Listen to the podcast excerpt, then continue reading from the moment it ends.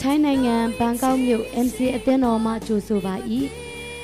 ဤတရားစကားတော်သည် အသက်ရှင်သောကြောင့်သင်ဤဘဝတစ်ခုလုံးပြောင်းလဲပြီးကောင်းချီးဖြစ်မည်ဟုကျွန်ုပ်တို့ယုံကြည်မျှော်လင့်ပါ၏ဤတရားစကားအပြင်တန်ရှင်တော်ဝိညာဉ်တော် သင်အားစကားပြောပါစေသောဤတရားဟောချက်သည် စီးပွားရေးအဖြစ်မဟုတ်လျင်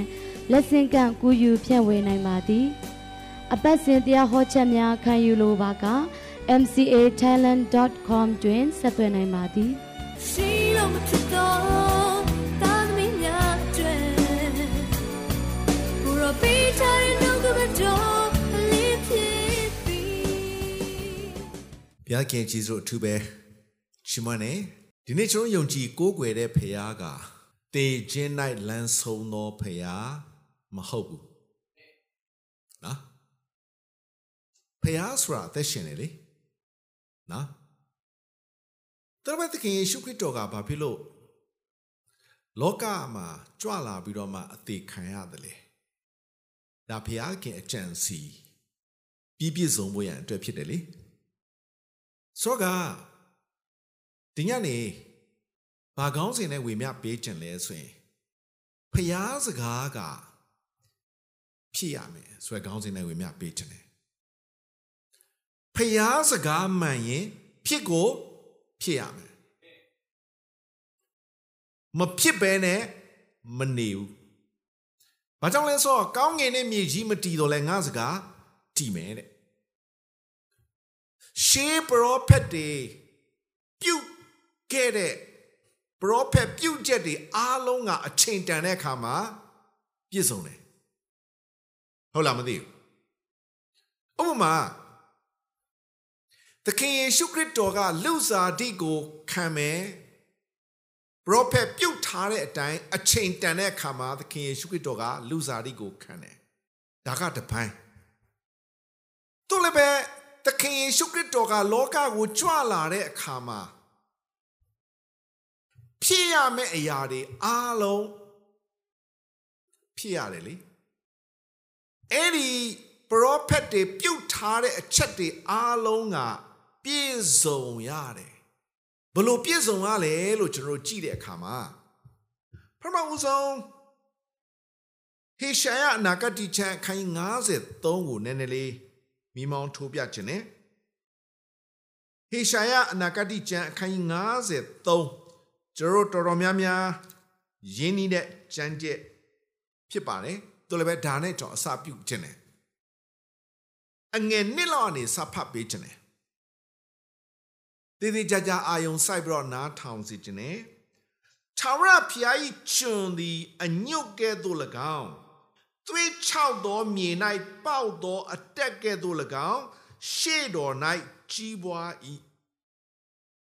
မာဏပြုတ်เสียအစင်းတင့်တယ်ခြင်းမရှိချစ်လိုပွေသောမျက်နာလက္ခဏာနဲ့မပြည့်စုံအယုံဆိုင်စေခြင်းနဲ့မထီမဲ့မြင်ပြုတ်ခြင်းကိုခံ၍လူတို့တွင်အယုတ်ဆုံးသောသူဖြစ်၏ညိုညင်သောသူနာကြီးခြင်းဝေဒနာနှင့်ကျွမ်းဝင်သောသူဖြစ်၏ သူတစ်ပါးမျက်နာလွဲခြင်းကိုခံရသောသူကဲ့သို့ဖြစ်၏မထီမဲ့မြင်ပြုခြင်းကိုခံလျက်ရှိ၍ငါတို့သည်မယိုသေးကြသို့တော်လဲထိုသူသည်ငါတို့အနာရောဂါဝေဒနာများကိုယူတင်ဆောင်ရွက်လေ၏ဒဏ်ခတ်တော်မူခြင်းကို၎င်းဖျားခင်ဆုံးမ၍နှိတ်ချတော်မူခြင်းကို၎င်းခံရသောသူဖြစ်သည်ဟုငါတို့သည်ထင်မှတ်ကြပြီထိုသူသည်ငါတို့လွန်ကျူးခြင်းအပြစ်များကြောင့် နာကျင်စွာထိုးခြင်းနှိပ်စက်ခြင်းကိုခံရလေ၏ငါတို့၏ငြိမ်သက်ခြင်းချမ်းသာကို ဖြစ်စေသော ဆုံးမခြင်းသည်သူ့အပေါ်သို့ရောက်၍သူခံရသောဒဏ်ချက်အားဖြင့်ငါတို့သည်အနာပြောက်လျက်ရှိ၏ပြီးတော့မှကျွန်တော်နည်းနည်းလေးကြော်ဖတ်ခြင်းနဲ့အငယ်ခုနှစ်ကိုဆက်ပြီးတော့ကြော်ဖတ်ခြင်းနဲ့တတိပြုစေခြင်းနဲ့ထိုသူသည်ညင်းဆဲခြင်းနဲ့နှိတ်ချခြင်းကိုခံ၍ နောက်ကိုမဖွင့်ဘဲနေအသေးသက်ခြင်းကိုဆောင်သွားသောသိုးငယ်ကဲ့သို့သူ့ကိုဆောင်သွား၍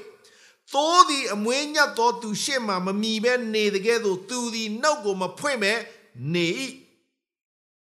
မတရားစွာစီရင်ခြင်းအပြင်သူ့ကိုထောက်သွားကြ၏အသက်ရှင်သောသူ၏နေရာမှသူ့ကိုတောက်တင်ပယ်ရှင်းသည်ဖြစ်၍သူ၏အမျိုးအနွယ်ကိုအဘယ်သူပြညွန်မီနီ ငါ၏လူမျိုးအပြစ်ဒဏ်ခတ်တော်မူခြင်းကိုခံလေ၏ကျွန်တော်လိုက်ဆိုစီခြင်းနဲ့ပြစ်မှားခြင်းကိုမပြုသူ၏နောက်၌မုတာမရှိတော်လဲလူဆိုးတို့နဲ့အတူမြေမြုပ်ခြင်းကစီရင်ကြ၏တို့ရာတွင်သေပြီးမှတထေး၌ရှိ၏ ဆိုတော့ဒီနေ့တခင်ယေရှုခရစ်တော်လောကကိုကြွလာဖို့ရန်အတွက်ဖခင်ကအကြံစီရှိထားပြီးသားလောကကိုကြွလာတဲ့အခါမှာလဲဖြစ်ရမယ့်အရာတွေဒီနေရာမှာတမန်ကျမ်းစာကကြိုပြီးတော့ပရောဖက်ပြုတ်ထားပြီးသားပရောဖက်ရှာယကပရောဖက်ကြီးဖြစ်တယ်ပရောဖက်ကြီးဆိုတာကဖျားပြောခိုင်းတဲ့စကားကို ပြောတာဖြစ်တယ်ကြိုပြီးတော့ကြိုတင်ပြောထားတာဖြစ်တယ်ပရောဖက်ရှာယက BC 960ကတည်းကပေါ်ထွန်းခဲ့တဲ့ပရောဖက်ကြီးသူပြောတဲ့စကားတွေအားလုံးကဒီနေ့ပြည့်စုံလားဖြစ်လားတကယ်ဖြစ်တယ်ခုနကကျွန်တော်ဖတ်သွားတဲ့အချက်တွေကိုတည်တည်ကြကြကျွန်တော်တို့သတိထားကြည့်တကယ်တော့ရှိတယ်ဒါပေမဲ့ကျွန်တော်တစ်ချက်ချင်းဖတ်သွားရခြင်းကပို့တော့မှမြင်ရောင်စေခြင်းတို့ အဲကြောင့်ခုနကကျွန်တော်ဖတ်သွားတဲ့အခါမှာထိုသူသည်ညင်းဆဲခြင်းနဲ့နှိတ်ချခြင်းကိုခံ၍နှုတ်ကိုမဖွင့်ဘဲနေ၏တဲ့လွန်ခဲ့တဲ့မဟာတောက်ကြကြီးနေ့တော့ခရစ်တော်ကားနိုင်ပေါ်တက်ဖို့ရန်အတွက်အဲ့ဒီအဖြစ်ပြက်တွေကိုကျွန်တော်ပြန်ပြီးတော့မြင်အောင်ကြည့်စဉ်းစားကြည့်ဒီຢာတွေအားလုံးကဖြစ်ရတယ်နောက်ဆုံးကျွန်တော်ဗာတွေ့ရလဲဆိုတော့ ပြစ်မှားခြင်းကိုမပြုတ်တဲ့တကယ်တော့သူ့အပြစ်ကြောင့်မဟုတ်ဘူးဘသူအပြစ်ကြောင့်လဲကျွန်တော်အပြစ်ကြောင့်သူဤနှုတ်၌မှုတာမရှိတော့လဲလူဆိုးတော့တဲ့အတူမြေမြုပ်ခြင်းကစီရင်ကြ၏တဲ့စဉ်းစားကြည့်နော်ကားနေမော်တဲ့တဲ့ခါမှာသူဘေးတစ်ဖက်တစ်ချက်မှာဘာတူတယ်လဲဓမြတယ်တို့ရရင်တဲ့သေပြီးမှဆိုတဲ့စကားလုံးလေးကိုနှလုံးသွင်းစေခြင်း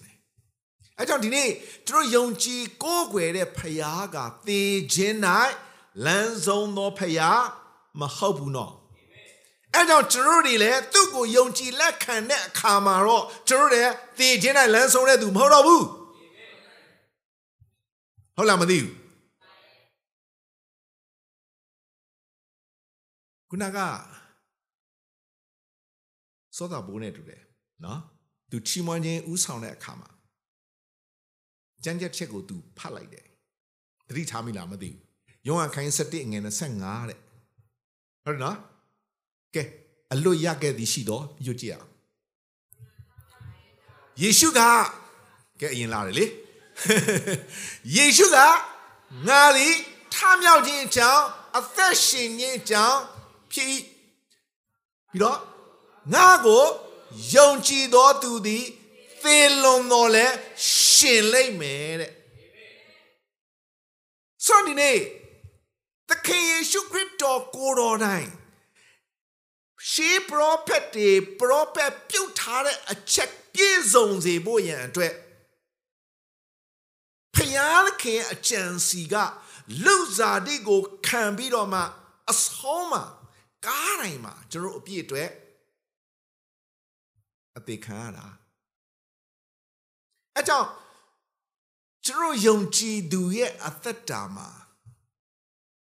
အင်္ဂလိပ်တဲ့စကားဆိုတာကလေတစ်ကောခိုင်း15အငယ်3နဲ့4ကျွန်တော်အားလုံးအလွတ်တောင်ရပါတယ်ဒါပေမဲ့နည်းနည်းလေးကျွန်တော်ဖတ်စီခြင်းနဲ့တစ်ကောခိုင်းကြီး15အငယ်3နဲ့4နည်းနည်းလေးဖတ်ခြင်းနဲ့တစ်ကောခိုင်းကြီး15အငယ် 3နဲ့4ကျွန်တော်လိုက်ဆိုရအောင်ငါသည်ကိုယ်တိုင်ခံယူသည့်အတိုင်းသင်တို့အားရှေးဦးစွာအပ်ပေးသောအကြောင်းအရာဟုမူကားအလုံးလဲဆိုစေခြင်းနဲ့ခရစ်တော်သည်ချမ်းသာလာသည့်အတိုင်းငါတို့အပြည့်ကြောင့်အသေးခံတော်မူ၏သင်ကြိုပြီးမှချမ်းသာလာသည့်အတိုင်း သုံးရက်မြောက်သောနေ့၌ထားမြောက်တော်မူ၏တဲ့ဟာလေလုယာဆိုတော့ဒီအရာကရှေးပရောဖက်တွေပရောဖက်ပြုတ်ခဲ့တဲ့အရာ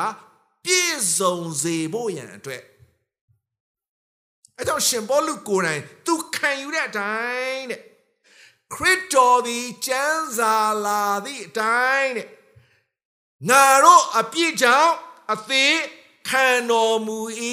ဒီနေ့ခရစ်တော်အသေးခံခြင်းငါဘသူကြောင့်လဲကျွန်တော်အပြည့်ကြောင့်ခရစ်တော်အသေးခံရတယ်နှိမ့်ဆက်ညင်းဆဲခြင်းခံရတယ်သို့တယ်ပဲသေခြင်း၌လမ်းဆုံးတာမဟုတ်သေပြီးမှတဲ့ဆိုတော့ကကြမ်းကြက်ချက်ကိုသတိရတယ်ယောမ ဩဝါဒစာအခန်းကြီး9အငယ်8လို့ရလားလူရင်ရရင်ယူကြည့်အောင်ငါတို့သည်အပြည့်ရှိစေမယ်ခရစ်တော်သည်ငါတို့အတွက်ကြောင့်အသေးခံတော်မူသည်ဖြစ်၍ဘုရားသခင်သည်ငါတို့ကိုအဘယ်မျှလောက်ချစ်တော်မူသည်ကိုငါတို့အားထင်ရှားစွာ ပြတော်မူဖခင်ရဲ့မေတ္တာ ဒီနေ့အပြည့်ကြောင့်အပင်ငယ်ကိုတွားရမယ်ကျွန်တော်တို့တွေအပင်ငယ်ကိုမတွားရဖို့ရန်အတွက်တဲ့ဖခင်ကရှေးမဆွကလေးကသူ့ရဲ့အကြံစီအဲကြောင့်ယောဟန်ခန်းကြီး3ငယ်16ကဘာပြောလဲဘုရားခင်တားတော်ကိုယုံကြည်သောသူအပေါင်းတို့သည်ပျက်စီးခြင်းသို့မရောက်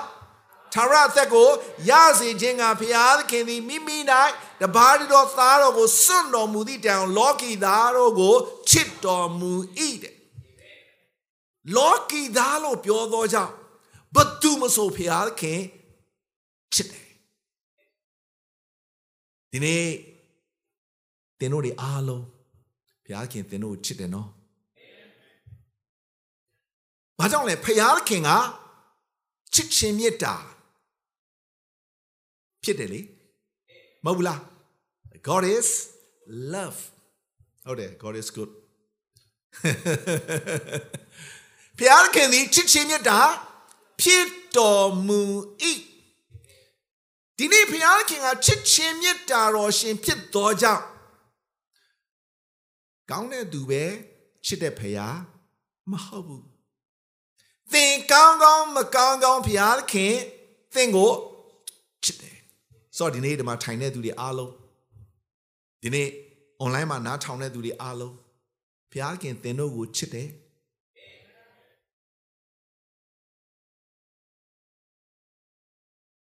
အဲကြောင့်ဘုရားခင်သားတော်ကိုယုံကြည်သောသူအပေါင်းတို့သည်ပျက်စီးခြင်းသို့မရောက်ထာဝရအသက်ကိုရစေခြင်းကဘုရားခင်သည်မိမိ၌တပါးတော်သားတော်ကိုစုံမိတိုင်ကျွန်တော်ကိုချစ်တာဒီနေ့ ဘုရားခင်ကလေသင်တို့ကိုချစ်တဲ့ဘုရားရှင်ဖြစ်တယ်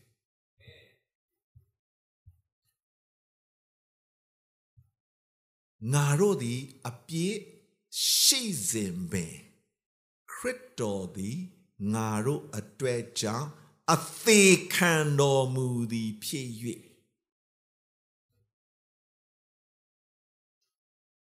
ကျွန်တော်အပြည့်ရှိစဉ်ပဲခရစ်တော်ကကျွန်တော်တို့အတွက်အသေးခံရခြင်းကဘာဖြစ်လို့ချစ်လို့အပင်ငယ်ကိုမသွားစေခြင်းလို့တို့တယ်လည်းပဲဒီနေ့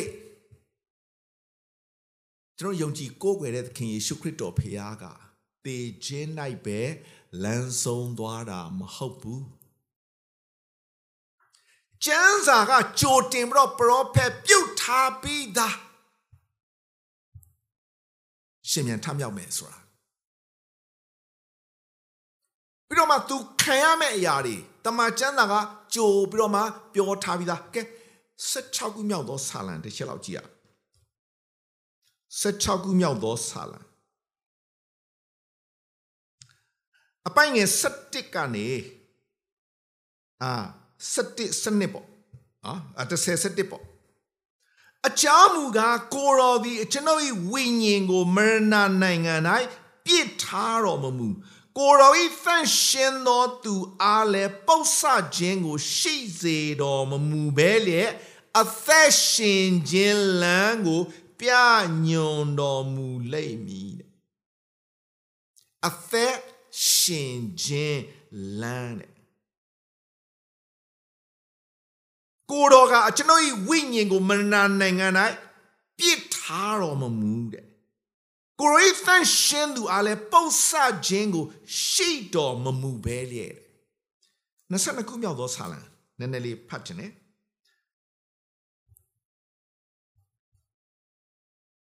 အကျွန်ုပ်ဖေဟာအကျွန်ုပ်ဖေဟာအဘဲကြောင့်ကျွန်ုပ်ကိုစွန့်ပစ်တော်မူသည်။အကျွန်ုပ်ကိုမကယ်တင်မဲ့အကျွန်ုပ်အော်ဟစ်သောစကားကိုနားမထောင်ပဲ အဘယ်ကြောင့်အဝေးမှာနေတော်မူသည်။နည်းနည်းကြော်ပြီးတော့ဖတ်လိုက်တဲ့အခါမှာဒီလိုမျိုးကျွန်တော်တို့တွေ့ရပါတယ်။နော်။ဟိုတဲ့လောက်ကိုကျွန်တော်ကြိုကြိုကြိုဖတ်ခြင်းနဲ့အငယ်16 19ကို18ခွေးတို့သည်အကျွန်ုပ်ကိုဝိုင်းလျက်စုဝေးသော လူဆိုးတို့သည်ဝန်းရံလျက်နေ၍ အကျွန်ုပ်၏လက်ခြေတို့ကိုထိုးဖောက်ကြပါပြီကားနိုင်ကိုမြင်အောင်ကြည့်စေခြင်းနဲ့ကိုအယိုးရှိသည်များတို့ကိုအကျွန်ုပ်ရေတွက်နိုင်ပါ၏သူတို့သည်အကျွန်ုပ်ကိုကြည်မြင်၍အားရလျက်နေပါ၏ကျွန်တော်လိုက်ဆိုရအောင်အကျွန်ုပ်အခုကိုအချင်းချင်းဝေဖန်၍အကျွန်ုပ်အင်းကြီးကိုစာရေးတံချကြပါ၏ ဒါကခရစ်တော်မကြွလာသေးဘူးနော်အသေးမခံရသေးဘူးနော်တို့လည်းပဲတမန်ကျမ်းစာကကြိုပြီးတော့ပြောထားပြီးသားအကျွန်ုပ်၏လက်ခြေတို့ကိုထိုးဖောက်တယ်ကားတိုင်းမှာတဲ့တဲ့ခါမှာထိုးဖောက်လားထိုးဖောက်တယ်ဒါကခရစ်တော်မကြွလာသေးဘူးနော်လောကကိုမကြွလာသေးဘူးနော် ကျမ်းစာကြိုပြောထားပြီးသားခရစ်တော်ပြောတယ်ဖျားစကားဆိုတာလေဖြစ်ရတယ်ကျွန်တော်ယုံကြည်ကိုးကွယ်တဲ့ဖျားပဲဒီလိုမျိုးသေခြင်းဆိုးနဲ့နော်ဒီလိုမျိုးခြေလက်ထိုးပေါက်ခြင်းခံရမယ်ဆိုတာဘယ်သူကနှစ်သက်မှာလို့ဒါပေမဲ့ဖျားစကားဖြစ်တော့ကြောင့်ဖြစ်ရမှာလေအဲ့ဒီဖြစ်ရတယ်ရင်ကဘာလဲကျွန်တော်တို့ ကြောင့်ကျွန်တော်တို့အတွက်ကျွန်တော်တို့အပင်ငယ်ကနေလွတ်ဖို့ကျွန်တော်ထာဝရအသက်ရဖို့ကောင်းကင်နိုင်ငံတော်ဝင်စားရဖို့ဖြစ်တယ်နော်အဲကြောင့်ဖျားစကားဆိုတာဖြစ်ရတယ်ပြီးတော့မှကျွန်တော်အခုကိုအချင်းချင်းဝေဖန်၍တဲ့တကယ်ကားနိုင်ပေါ်တဲ့တဲ့အခါမှာသူ့ရဲ့အခုကိုဝေဖန်ကြလားဝေဖန်တယ်အကျွန်ုပ်အင်ကြီးကိုစာရေးတယ်ချကြပါ၏တကယ် အဲ့အတိုင်းပဲဆိုတော့ကဒီနေ့ကျွန်တော်ရှင်မြန်ထမ်းပြပြနေ့မှာမိမောင်းထိုးပြခြင်းနဲ့အချက်ရှိပါတယ်ဆိုတော့ဒီနေ့ယောမဝရစာခိုင်းငါအငယ်ရှိငါတို့သည်အပြည့်ရှိစဉ်ပင်ခရစ်တော်ဒီငါတို့အတွက်ကြောင့်အသေးခံတယ်တဲ့။ ဒါဆိုရင်ဒီနေ့ကျွန်တော်တို့အားလုံးအပြည့်နဲ့ကင်းတဲ့သူရှိလား။မရှိဘူးနော်။အပြည့်ရှိလား။ရှိတယ်နော်။ဝန်ခံလား။အပြည့်လောက်တတ်တဲ့ပညာရှိလား။အပြစ်လောက်တတ်တဲ့ပညာရှိလားခလေးတွေကျောင်းတော်မတက်ရသေးဘူးနော် အခုနောက်ပိုင်းခလေးတွေကနှစ်နှစ်ခွဲလာသုံးနှစ်ခွဲလာမှကျောင်းစားပို့တာမဟုတ်လားပညာတတ်ဖို့တဲ့အတေးသူလည်းပဲခလေးလေးတွေကကျောင်းတော်မတက်ရသေးဘူးအပြစ်လောက်တတ်လားစိတ်ဆိုးတတ်လားစိတ်ကောက်တတ်လားဘယ်ကပညာရစဉ်းစားကြည့်ဘယ်ကပညာရတာလဲဆိုတော့ဒီနေ့လူကလေအပြစ်လောက်တတ်တဲ့ ပညာပါလာပြီးသားအဲ့ဒါဗီဇလို့ခေါ်တယ်ဗီဇအပြည့်လို့ပြောတာဖြစ်တယ်အပြည့်လောက်နိုင်တဲ့ခွန်အားရောရှိလားဟမ်အပြည့်လောက်နိုင်တဲ့ခွန်အားရောရှိလားအပြည့်လောက်ဖို့ရန်အတွက်ခွန်အားတစ်ခါမှမလျော့ဘူးတရေနိုးလဲလူကသာပက်လက်လန်တာဘာမှမတတ်နိုင်တော့ဘူး အားလည်းမရှိတော့ဘူးကုဒါကိုတော့စိတ်သက်သက်ခံတယ်လို့ပေါ့ဟုတ်တယ်လေကတင်ပေါ်မှာဒါပေမဲ့အပြစ်လောက်ဖို့ခွန်အားကအပြည့်ပဲဟုတ်လားမသိဘူးစိတ်ထဲမှာတွေးလိုက်တာနဲ့အဲ့ဒီခွန်အားပဲရရလူကသာမနိုင်တာတော့ပညာမသေးဘူးခွန်အားက ဘယ်တော့မှမလျော့ဘူးအပြည့်လောက်တတ်တဲ့ပညာအပြည့်လောက်နိုင်တဲ့ခွန်အားလောက်ချင်တဲ့ဆန္ဒရောရှိလားလောက်ချင်တော့ဆန္ဒရောရှိလားအားလုံးရှိတယ်ရှော့မတွက်နဲ့လူကသာခြေတော့မရှိမရှိပါစေမျက်စိမပိုင်ပါပါစေမရှိပါစေဒါပေမဲ့အပြည့် လောက်ချင်တဲ့ဆန္ဒကရှိပြီးသားဒါဆိုရင်ဒီနေ့ကျွန်တော်တို့အားလုံးအပြည့်กินတဲ့သူရှိလားမရှိဘူးကျမ်းစာပြောပြီးသားလေအပြည့်နဲ့กินတဲ့သူတယောက်မှမရှိဘူးဒါဆိုရင်အပြစ်တရားရဲ့ခတ်ကသေခြင်းဟုတ်လားအဲကြောင့်လူကအပြစ်ရှိသောကြောင့် သေရတယ်ဒါဆိုရင်ဒီနေ့ကျွန်တော်တို့အားလုံးကသေမျိုးတွေကြီးပဲဟုတ်တယ်နော်ဘာကြောင့်အပြစ်ရှိသောကြောင့်လေဟေပြောစာခိုင်းကိုငွေ29မှာလူသည်တခါတည်းသေ၍နောက်မှတရားစီရင်ကိုခံရမယ်တဲ့လူက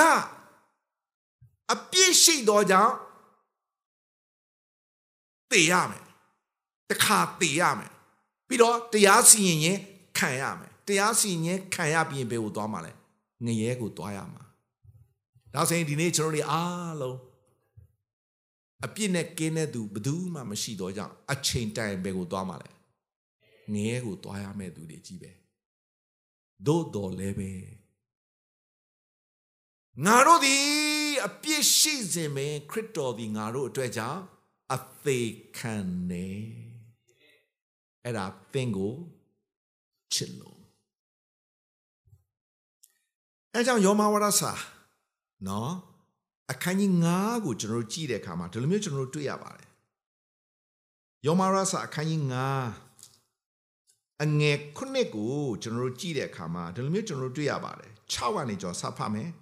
ငါတို့သည်အကျိုးနဲ့ရှိစဉ်ပင် အချိန်တန်မှခရစ်တော်သည် မတရားသောသူတို့အတွက်ကြောင့်အသေးခံတော်မူ၏တဲ့ အငယ်6မှာကျွန်တော်တို့ကအကျိုးနဲ့ရှိစဉ်အခါမှာတဲ့အချိန်တန်တဲ့အခါမှာခရစ်တော်ကမတရားသောသူတို့အတွက်အသေးခံတယ်တဲ့ဒါဆိုရင်အဲ့မတရားသောသူတွေမှာကျွန်တော်တို့ပါလားကျွန်တော်တို့ပါတယ်လေဒီနေ့ခရစ်တော်အသေးခံခြင်းကကျွန်တော်တို့အတွက်နော်အဲ့ဒါဖခင်ရဲ့မေတ္တာသခင်ယေရှုခရစ်တော်ရဲ့မေတ္တာ ဖြစ်တယ်ဖြောင့်မသောသူတို့အတွက်ကြောင့်အသေးခံမဲ့သူရှိခဲ့၏သူတော်ကောင်းအတွက်ကြောင့်အသေးခံခွင့်သောသူရှိကောင်းရှိလိမ့်မည်မှန်စေတော့ငါတို့သည်အပြစ်ရှိစဉ်ပင်ခရစ်တော်သည်ငါတို့အတွက်ကြောင့်အသေးခံတယ်ဒီနေ့ခရစ်တော်အသေးခံခြင်းကမတရားတဲ့သူတွေမကောင်းတဲ့သူတွေ အပြစ်ရှိတဲ့သူတွေအတွက်ဖြစ်တယ်နော်အဲ့ဒါကျွန်တော်တို့ကိုချစ်လို့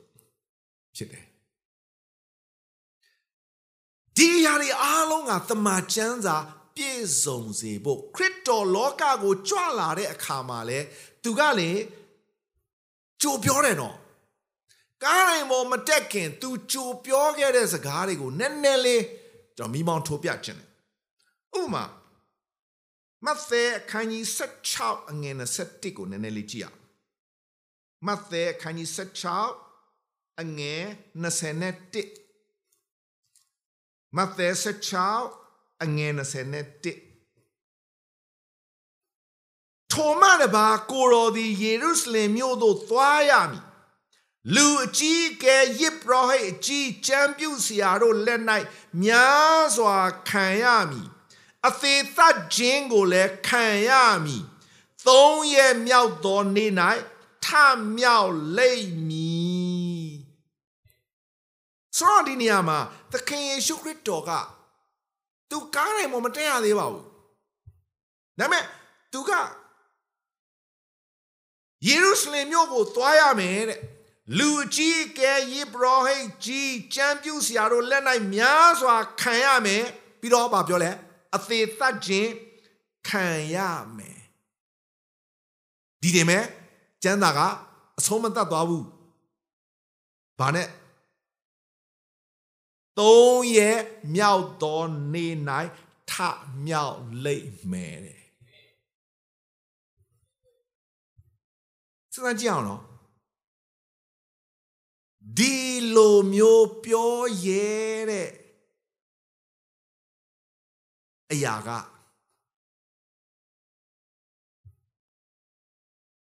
တော်ယုံတန်ယုံမသိပဲနဲ့မပြောနိုင်ဘူးနော်မပြောရဲဘူးနော်သူသိတယ်ညင်တဲ့ချင်းခံရမယ်နှိမ့်ဆက်ချင်းခံရမယ်အသေးခံရမယ်တို့လည်းပဲတေချင်းမှလမ်းမဆုံးသုံးရက်မြောက်တဲ့နေ့မှာထမြောက်မယ်ဆိုတာ तू ကြိုပြောထားပြီးသားသူတပည့်တွေပြီးတော့ မှကျမ်းမြိုင်တွေကိုကျွန်တော်ကြည့်တဲ့အခါမှာမာကုခိုင်းရှစ်ငယ်31နည်းနည်းလေးကြည့်အောင်မာကုခိုင်းရှစ်အငယ်31ထိုမှတပါလူသားသည်များစွာခံရမည်လူကြီးကဲယေဘရဟိတ်ကြီးချမ်းပြူစရာတွေညင်းပယ်ခြင်းကို၎င်းအသေးသတ်ခြင်းကို၎င်းခံရမယ်သုံးရက်မြောက်သောနေ့၌ထမြောက်လိမ့်မယ်ထပ်တော့ပြောပြန်တယ် ပြီးတော့မှကို30 31ကိုကျွန်တော်ကြည့်တဲ့အခါမှာကို30 31ထိုရမှာထွက်ပြီးဂါလိလဲပြည်လယ်၌ရှောက်သွားကြစဉ်တွင်အဘယ်သူမျှသိစေခြင်းကအလိုတော်မရှိ အကြောင်းမူကားတဲ့လူသားသည်လူတို့လက်သို့အနံခြင်းကို၎င်းအသေးသခြင်းကို၎င်းခံရမည်ခံပြီးမှသုံးရက်မြောက်သောနေ့၌ထမြောက်လိမ့်မယ်တဲ့ ပြောပြန်ပြီဒီနေရာမှာလူသားဆိုတာသခင်ယေရှုခရစ်တော်ပြောတာလူတို့ရဲ့လက်တော်အနံ့ခြင်းကိုခံရမယ်အသေးသခြင်းခံရမယ်ခံပြီးမှတဲ့ခံပြီးမှဆိုတာဘာပြောရလဲအသေးခံရမယ်အသေးခံပြီးမှဘာပြောလဲ၃ရက်မြောက်တဲ့နေ့မှာထမြောက်မယ်ကျမ်းမြိုင်နေအများကြီးရှိတယ်နော်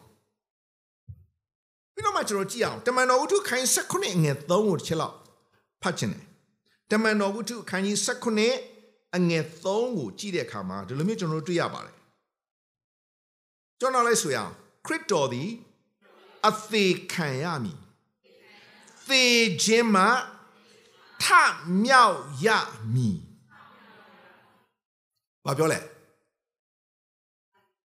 ခရစ်တော်ကအသေးခံရမယ် သေခြင်းမှာထမြောက်ရမယ်ဖျားစကားကလေဖြစ်တယ်တော့ဖြစ်ရမယ်မဖြစ်လို့မရဆိုတော့အဓိကကြောင့်မိမောင်းထိုးပြခြင်းတဲ့အချက်ကဘာလဲဆိုရင်ခရစ်တော်ရဲ့အသေးခံခြင်းကကျွန်တော်တို့အတွက်ခရစ်တော်ရဲ့ထမြောက်ခြင်းကကျွန်တော်တို့အတွက်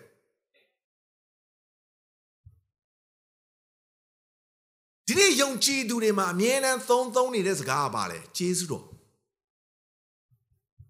ဂျေဇုတော်ပဲဂျေဇုတော်ဆိုတဲ့စကားကိုကျွန်တော်တို့ကြည့်တဲ့အခါမှာအသေးခံပေးတဲ့ဂျေဇုတော်အသက်ရှင်ပေးတဲ့ဂျေဇုတော်နည်းအားဖြင့်အနုတ်လက္ခဏာနဲ့အပေါင်းလက္ခဏာကိုပြောတာဖြစ်တယ် အနုတ်လက္ခဏာကတော့ကျွန်တော်တို့အပြည့်ကြောင့်ကျွန်တော်တို့အားနည်းကြောင့်ကျွန်တော်တို့မစုံလင်ခြင်းအရာတွေအားလုံးကျင့်ခြင်းအမင်္ဂလာတွေအားလုံးသူကအသေးခံပေးရတယ်အဲကြောင့်အသေးခံပေးတော့ဂျေဇုတော်အဲကြောင့်ဂျေဇုတော်ဆိုတာလေဖခင်ဘက်ကလှုပ်ပေးတဲ့အရာကျွန်တော်မလုံနိုင်ဘူးကျွန်တော်မတတ်နိုင်ဘူးကျွန်တော်မဖြစ်နိုင်ဘူးဒါပေမဲ့ကိုတော်ကလှုပ်ပေးတယ်အပြည့်ကြောင့်အပင်ငယ်ကိုသွားရမှာဒါပေမဲ့ကျွန်တော် အပြည့်ကြောင့်အပင်ငယ်မသွားရဖို့ရန်အတွက်သူကအသေးခံပေးတယ်အသေးခံပေးတယ်ဂျေဇုတော်ကျင့်ခြင်းအမင်္ဂလာခံရမယ့်အခြေအနေကနေကျွန်တော်ကိုအသေးခံပေးတယ်တစ်ဖက်ကြတော့လေအသက်ရှင်ပေးတယ်ကျွန်တော်မတတ်နိုင်ဘူးမဖြစ်နိုင်ဘူးဒါပေမဲ့သူကအသက်ရှင်ပေးတယ်သူလောက်ပေးတယ် အဲကြောင့်ဂျေဇုတော်ဆိုတာအနုတ်လက္ခဏာပိုင်းရှိတယ်လို့အပေါင်းလက္ခဏာပိုင်းရှိတယ်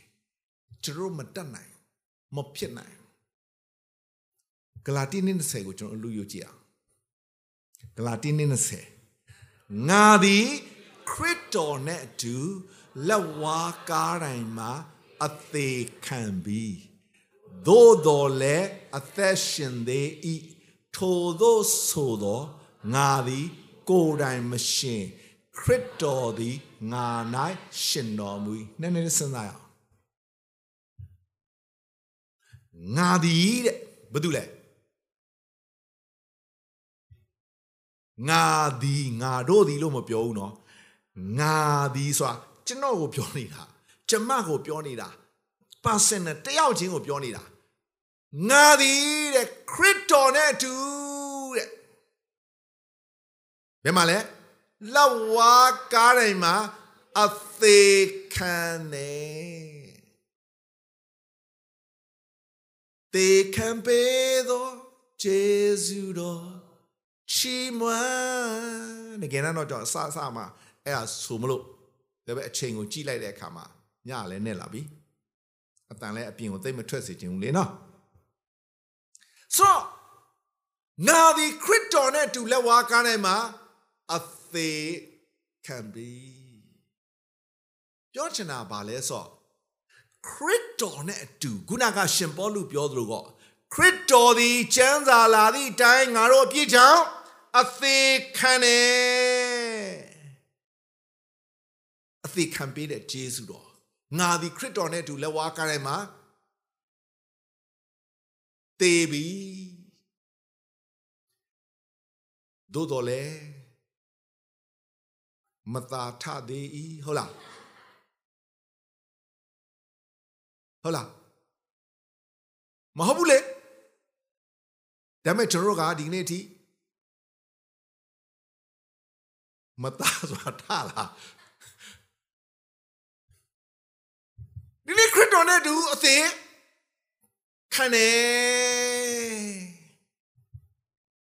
ကျွန်တော်အမြဲတမ်းပြောပြောတဲ့ဥပမာမမိကြမှာပေါ့နော်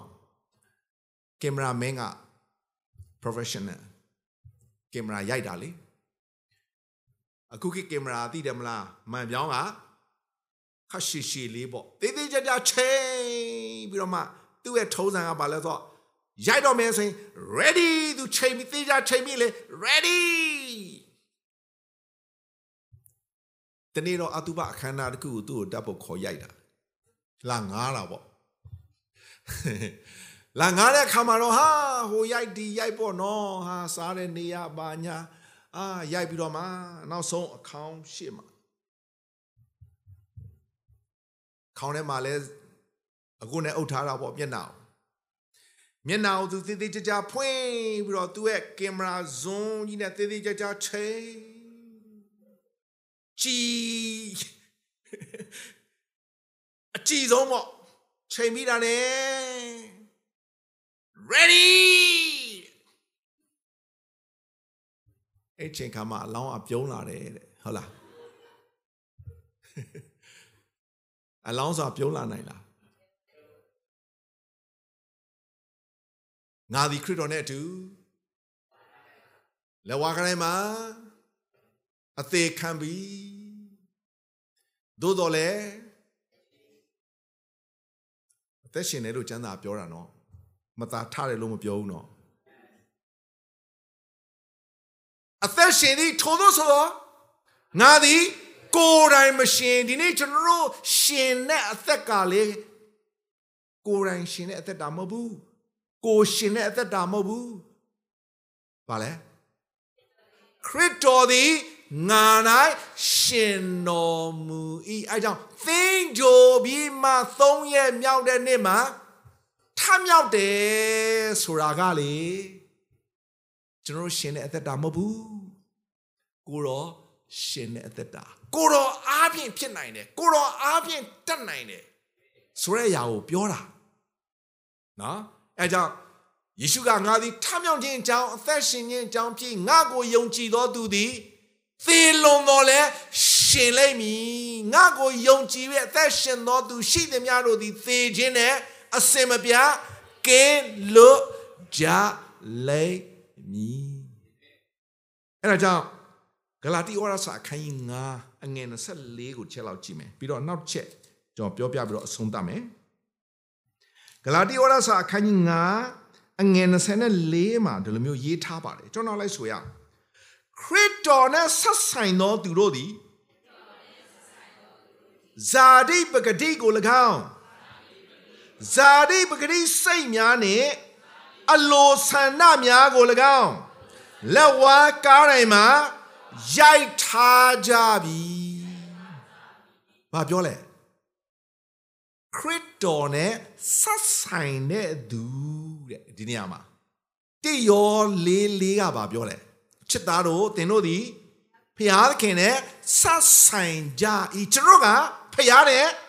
ဆိုင်တဲ့သူတွေဖြစ်တယ်ဒါဆိုရင် ခရစ်တော်နဲ့ဆက်ဆိုင်တဲ့ကျွန်တော်တွေကဲကျွန်တော်လိုက်ဆိုရအောင်ဇာတိပဂတိကို၎င်းဇာတိပဂတိစိတ်များနဲ့အလိုဆန္ဒများကို၎င်းလဝါကားတိုင်းမှာရိုက်ထားကြပြီကားတိုင်းမှာ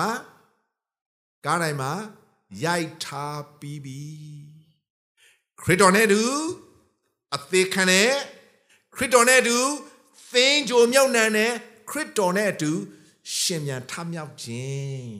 အသက်တာကကျွန်တော်တို့အသက်တာနော်အသေးခံရတယ်သင်ကြိုမြောက်နှံရတယ်ရှင်မြန်ထမြောက်ရတယ်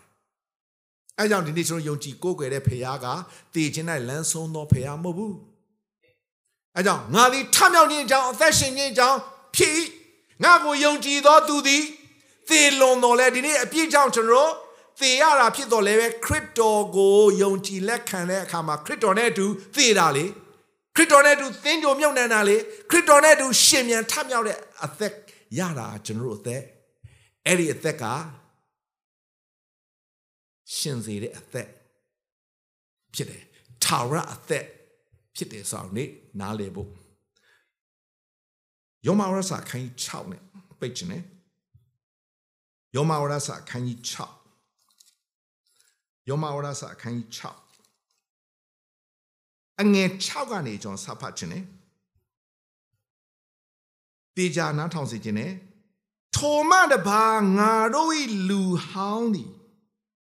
ထိုသခင်နဲ့အတူလက်ဝါးကားတိုင်းမှာအသေးသတ်ခြင်းကိုခံမိဟုငါတို့သိကြ၏ကဲဘာပြောလဲငါတို့၏လူဟောင်းသည်တဲ့ထိုသခင်နဲ့အတူ လက်ဝါးကားတိုင်းမှာအသေးသတ်ခြင်းကိုခံမိငါတို့သိတယ်တဲ့ကဲကျွန်တော်တို့သိလားကျွန်တော်လူဟောင်းနေခရစ်တော်နဲ့အတူလက်ဝါးကားတိုင်းမှာအသေးသက်ခြင်းကိုခံပြီးမဟုတ်လား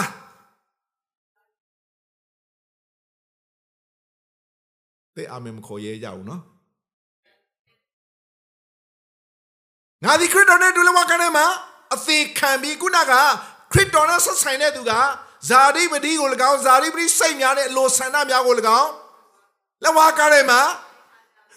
ရိုက်ထားပြီးပြီလေဟယ်လိုငုံခံလိုက်စမ်းပါ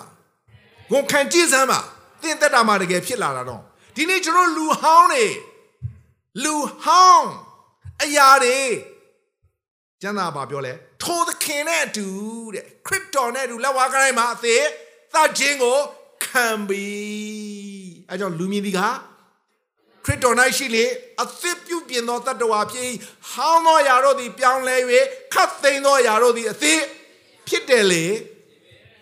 ဝန်ခံဒီနေ့ကျွန်တော်ကခရစ်တော်နဲ့အတူသေခံပြီးပြီခရစ်တော်နဲ့အတူသိမ်းကြပြီးသွားပြီခရစ်တော်နဲ့အတူရှင်မြန်ထမြောက်တဲ့အသက်ကလေအသက်တော်အသက်တာအောင်မြင်သောအသက်တာ ကျွယ်ဝသောအသက်တာပြည့်ပြည့်စုံသောအသက်တာဖြစ်တယ်နော်ဘာလို့ငါဒီခရစ်တော်နဲ့အတူဤလောက၌ဖြစ်တယ်လေနော်ခရစ်တော်နီးတူဖြစ်တာခရစ်တော်နဲ့တူသေခံတယ်ခရစ်တော်နဲ့အတူသင်ကြုံမြုပ်နိုင်တယ်ခရစ်တော်နဲ့အတူရှင်မြန်ထမြောက်တယ်ပြီးတော့မှကျမ်းစာပါဆက်ပြောလဲဆိုတော့တော်တော်လိုက်ဆိုရအောင်အကြောင်းမူကားအားလုံးလိုက်ဆိုစီခြင်းနဲ့အကြောင်းမူကားငါတို့သည် နောက်မှအပြစ်တရား၏အစေကိုမခံစေခြင်းကအပြစ်တရား၏ကိုယ်ကိုဖြတ်စည်းမြင်ကြောင်းဒီဘာပြောလဲငါတို့သည်နောက်မှတဲ့တနည်းအားဖြင့်ကျွန်တော်လူဟောင်းကထိုသခင်နဲ့တူလက်ဝါးကားတိုင်းမှာအသေးသတ်ခြင်းကိုခံပြီးတဲ့အခါမှာလေကျွန်တော်ကအပြစ်တရားရဲ့အစေကိုခံဖို့ မဟုတ်တော့ဘူးအဲကြောင့်အပြစ်တရားကကျွန်တော်ကိုမအုပ်ဆိုးရဘူးကျမ်းညက်ချက်ကိုသတိရတယ်ဗျာဟေဘရဲဝရစာခိုင်းနစ်ကြည့်ရဟေဘရဲဝရစာခိုင်းနစ်အငယ်15အငယ်15ကဲကျွန်တော်လိုက်ဆိုရအောင်ခရစ်တော်သည်အသေးခံတော်မူသောအဖြစ်ဘသူအသေးခံလဲခရစ်တော်အသေးခံတယ်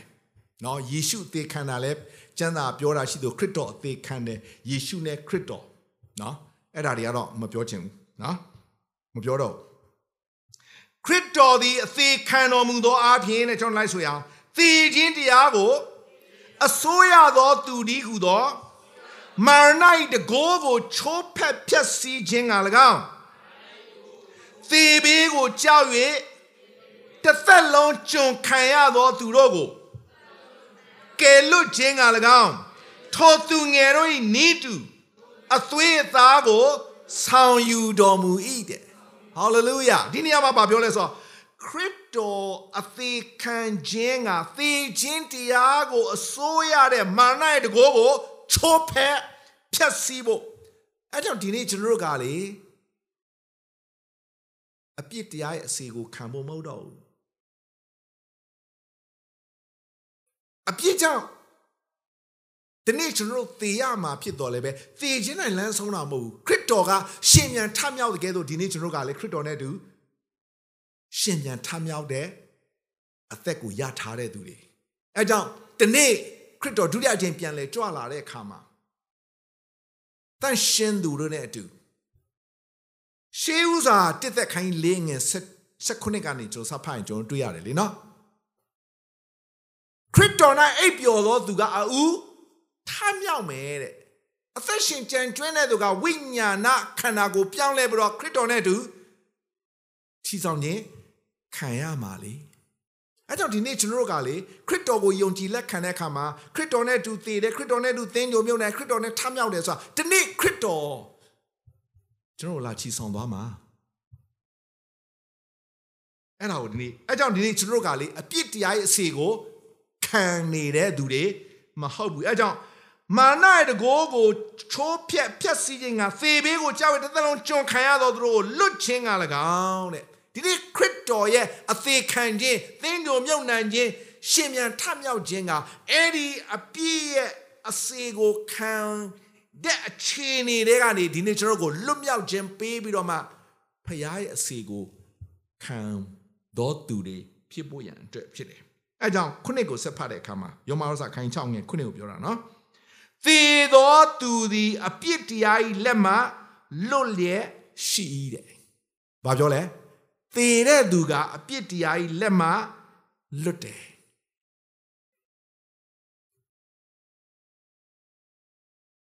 ကြားဘူးကြတယ်မနော်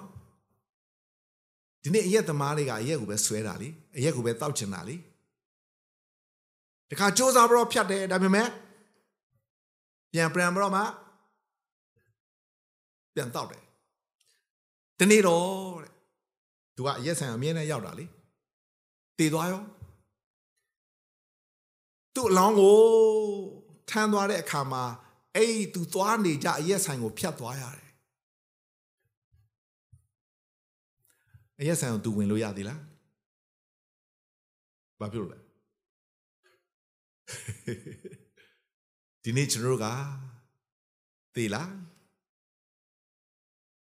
သေတော့သေတယ်ဘာသေလဲတော့မသိဘူးပေါ့ဆိုတော့ဒီမှာသေတဲ့သူကအပြစ်တရားကြီးလက်မှာလွတ်တယ်ခရစ်တော်နဲ့အတူသေပြီးဆိုရင်ခရစ်တော်နဲ့အတူရှင်ပြန်ထမြောက်တဲ့အခါမှာခရစ်တော်၌လူသစ်လေဟောင်းသောຢာတို့သည်ပြောင်းလဲပြီးခတ်သိမ်းသောຢာတို့၏အသစ်ဖြစ်တယ်အဲကြောင့် ခရစ်တော်သည်တဲ့ကျမ်းစာဆက်ဖတ်တဲ့အခါမှာသေခြင်းမှထမြောက်သောအခါသေခြင်းနဲ့အစဉ်ကင်းလို့ဤတဲ့ခရစ်တော်ကသေခြင်းမှထမြောက်တဲ့အခါမှာအခုထမြောက်တဲ့နေ့လေနော်ရှင်ပြန်ထမြောက်ရနေ့လေခရစ်တော်ကသေခြင်းမှထမြောက်တဲ့အခါမှာသေခြင်းနဲ့အစဉ်ကင်းလွတ်တယ်ခရစ်တော်ဘယ်တော့မှမသေးတော့ဘူးသူသေခံပေးသွားပြီဒါကျမ်းသာပြည့်စုံမှုဖြစ်ရမယ်ရာသူဖြစ်သွားတာ ကျွန်တော်နဲ့ဆိုင်တယ်ကျွန်တော်နဲ့ဆိုင်တယ်ဒါဆိုရင်ကျွန်တော်ကခရစ်တော်နဲ့အတူသေတယ်ဆိုရင်ခရစ်တော်နဲ့အတူသင်ကြိုခံတယ်ဆိုရင်ခရစ်တော်နဲ့အတူထမြောက်တာအဲကြောင့်ငါသည်ထမြောက်ခြင်းကြောင့်အသက်ရှင်ခြင်းကြောင့်ဖြင့်ငါကိုယုံကြည်တော်သူသည်သေလွန်တော်လဲရှင်တယ်အဲ့ဒီရှင်ခြင်းကလေဘယ်တော့မှမသေးတော့တဲ့ထာဝရရှင်ခြင်းတွေကိုကူးမြောက်တာအဲကြောင့်ကျွန်တော်ကထာဝရကာလကိုသွားတဲ့သူထာဝရကောင်းကင်ကိုသွားတဲ့သူတွေအဲကြောင့်ဒီနေ့အားပေးခြင်းတယ် နော်ဓမ္မမိတ်ဆွေတွေရှိတယ်ကျွန်တော်ညီကိုမဇနီးမောင်နှံလဲရောက်လာတာမကြသေးဘူးနှိုးဆော်ခြင်းနဲ့အားပေးခြင်းနဲ့သခင်ယေရှုခရစ်တော်မိခင်တင်ပိုင်ရှင်ပြီးယုံကြည်လက်ခံစေခြင်းနဲ့ဒီနေ့အပြည့်နဲ့ကင်းတဲ့သူတရားအောင်မရှိဘူးအပြည့်ကြောင့်ပင်ငယ်ကိုကျွန်တော်တို့သွားမှာဖြစ်တယ်တို့လည်းပဲခရစ်တော်ကသင်ရဲ့အပြည့်အတွက်ကြောင့်ကျွန်တော်တို့အပြည့်အတွက်ကြောင့်လက်ဝါးကရဲမှာအသေးခံပြီးသွားပြီသင်တို့မြုပ်နှံတဲ့ထမြောက်တဲ့ကဲဆိုဒီနေ့ကျွန်တော်ခရစ်တော်နဲ့အတူလက်ဝါးကရဲမှာအသေးခံတယ် သင်တို့မြုပ်နှံပြီးတော့မှရှင်မြန်ထမြောက်တဲ့အခါမှာခရစ်တော်နဲ့အတူလဲထာဝရကာလတွေကိုဝင်စားရမှာဖြစ်တယ်26ဆက်ဖတ်ရပါပြောလဲယောဟန်7:26ငါကိုယုံကြည်၍အသက်ရှင်သောသူရှိသည်များတို့သည်သေခြင်းနဲ့အစင်မပြားကင်းလွတ်ကြလိမ့်မည်ဟာလေလုယာ ငါကိုယုံကြည်၍အသက်ရှင်တဲ့သူကအခုကျွန်တော်ရှင်နေတာလေခရစ်တော်ရှင်နေတာလေကျွန်တော်အထက်မှာပြီးတော့တနေ့ကြရင်ခရစ်တော်နဲ့အတူဘယ်တော့မှမသေးရတော့ထာဝရရှင်နေတဲ့ကိုကျွန်တော်တို့ဝင်စားရတာဖြစ်တယ်။ဆိုတော့ဒီနေ့ကျွန်တော်တို့နားလည်ဖို့ရန်အတွက်ဖြစ်တယ်။ကျမ်းစာမှာဆက်ပြောလဲဆိုတော့ သေခြင်းတရားသည်နောက်တဖန်ကိုတော်ကိုမအုပ်ဆိုးရသည်ကို ထောက်တော်တဲ့။သေခြင်းတရားကကိုတော်ကိုမအုပ်ဆိုးရအဲကြောင့်ယောမအာယောမပါတဲ့တစ်ကောခိုင်း15ငင်ဘယ်လောက်မှလဲ55မှာလူရေးထားတယ်။အိုးသေမင်းသင်လက်နဲ့ဒီအဘယ်မှာရှိသည်နီ။အိုးမရဏနိုင်ငံသင်အောင်ခြင်းဒီအဘယ်မှာရှိသည်နီတဲ့။အဲကြောင့်ဒီနေ့ သခင်ယေရှုခရစ်တော်ကလေသေခြင်းနဲ့လမ်းဆုံးသောဖခင်မဟုတ်ဘူးကျွန်တော်လည်းအဲ့သခင်ယေရှုခရစ်တော်ရတဲ့အခါမှာကျွန်တော်ကသေခြင်းနဲ့လမ်းဆုံးတာမဟုတ်ဘူးအဲကြောင့်ယုံကြည်သူတွေကသေခြင်းကိုဘယ်လိုပြောလဲခရစ်တော်၌အိပ်ပျော်ခြင်းအဲကြောင့်မျော်လင့်ခြင်းမရှိသောသူတို့သည်ဝမ်းနည်းတဲ့ကဲ့သို့သင်တို့သည်ဝမ်းမနှဲမြည်ကြောင်းတဲ့အိပ်ပျော်သောသူတွေအမှုကိုမသိပဲနေခြင်းငါအလိုတော်မရှိဘူးတဲ့ဘာလို့ကျွန်တော်ကခရစ်တော်၌အိပ်ပျော်ပြီးရင်ဒီနေ့ ထမြောက်မှာဖြစ်တယ်။ထာဝရအရှင်ကြီးကိုဒီနေ့ကျွန်တော်သွားမှာဖြစ်တယ်။အဲကြောင့်ကျမ်းစာဘာပြောလဲဆိုတော့သေခြင်းတရားသည်နောက်တစ်ဖန်ကိုတော်ကိုမအုပ်ဆိုးရသည်ကိုထောက်တော်ကျွန်တော်လိုက်ဆိုရအောင်ငါတို့သည်ခရစ်တော်နဲ့အတူသေလျင်ထိုသခင်နဲ့အတူရှင်လိမ့်မည်ဟာလေလုယာခရစ်တော်နဲ့အတူသေရင်ခရစ်တော်နဲ့အတူရှင်မှာဖြစ်တယ် ဒီနေ့ခရစ်တော်ကလေအဖခမဲတော်ရဲ့လက်ရဘက်မှာကျွန်တော်တို့ဆုတောင်းပေးနေတယ်ဒီနေ့ကျွန်တော်တို့လည်းလေအဲ့ဒီကောင်းကင်နိုင်ငံတော်မှာကိုတော်နဲ့အတူခြာရနေရမယ့်သူတွေဖြစ်တယ်တို့လည်းပဲဒီနေ့လောလောဆယ်ကျွန်တော်မြေကြီးပေါ်မှာနေထိုင်အသက်ရှင်တဲ့အခါမှာတော့ခရစ်တော်ကကျွန်တော်ရဲ့အသက်တာထဲမှာအသက်ရှင်အုပ်ဆိုးတဲ့အခါအပြစ်တရားကကျွန်တော်တို့ကိုမအုပ် ဆိုးရဘူးခရစ်တော်နဲ့အတူခရစ်တော်နင်းတူဒီနေ့ကျွန်တော်ရဲ့အသက်တာဖြစ်တယ်အဲကြောင့်ကျမ်းစာမှာပြောလဲဆိုတော့ခရစ်တော်သည်အသေးခံရမှာအပြစ်တရားကြောင့်တစ်ချိန်သာခံတော်၏အသက်ရှင်တော်မူသည်ဖျားခင်အဖို့ရှင်တော်မူ၏တဲ့ဒီနေ့ကျွန်တော်ရှင်ခြင်းကခရစ်တော်ရဲ့အဖို့အဲကြောင့်ရှင်ဘောလူကပြောတယ်ရှင်ဘောလူကပြောလဲဖိလိပ္ပိဩရစာခိုင်း1အငယ်27မှာ ငါအသက်ရှင်သည့်ယာမှာခရစ်တော်ဖြစ်၏သေလင်မူကားသာ၍အကျိုးရှိတွင်အသက်တာရဲ့သေခြင်းရှင်ခြင်းကလေကျိုးတဲ့ဘာမှပြဿနာမရှိဘူးလူဆိုတာတစ်နေ့သေရမှာပဲလေမဟုတ်ဘူးလားသေမျိုးပဲလေတစ်နေ့သေရမှာပဲလေကြောက်လားကြောက်လဲသေရမှာပဲမကြောက်ရင်လဲသေမှာပဲသေပြီးရင်ပဲသွားမလဲဆိုတော့ကျွန်တော်တို့သိရင်သေသွားရင်လဲ praise the lord ဘောဟုတ်တယ်မဟုတ်လားသေပြီးဘယ်သွားမလဲဆိုတော့ကျွန်တော်သိနေပြီလေဖခင်ကပြောထားပြီးသားလေအဲကြောင့်ကျမ်းစာမှာပြောလဲဆိုခရစ်တော်သည်အသေးခံရမှာအပြစ်တရားကြောင့်ဒီချိန်သာအသက်ရှင်တော်များသခင်ဖခင်အဖို့တဲ့ဒီနေ့ကျွန်တော်အသက်ရှင်ခြင်းကသခင်ဖခင်ရဲ့အဖို့အဲ့ဆိုဒီနေ့ကျွန်တော်အသက်ရှင်ရခြင်းအခွင့်ကကိုတော့ကြောင့်လေ မဟုတ်လားကျွန်တော်အရှင်ရခြင်းကကိုတော့ကြောင့်ဒီနေ့ကျွန်တော်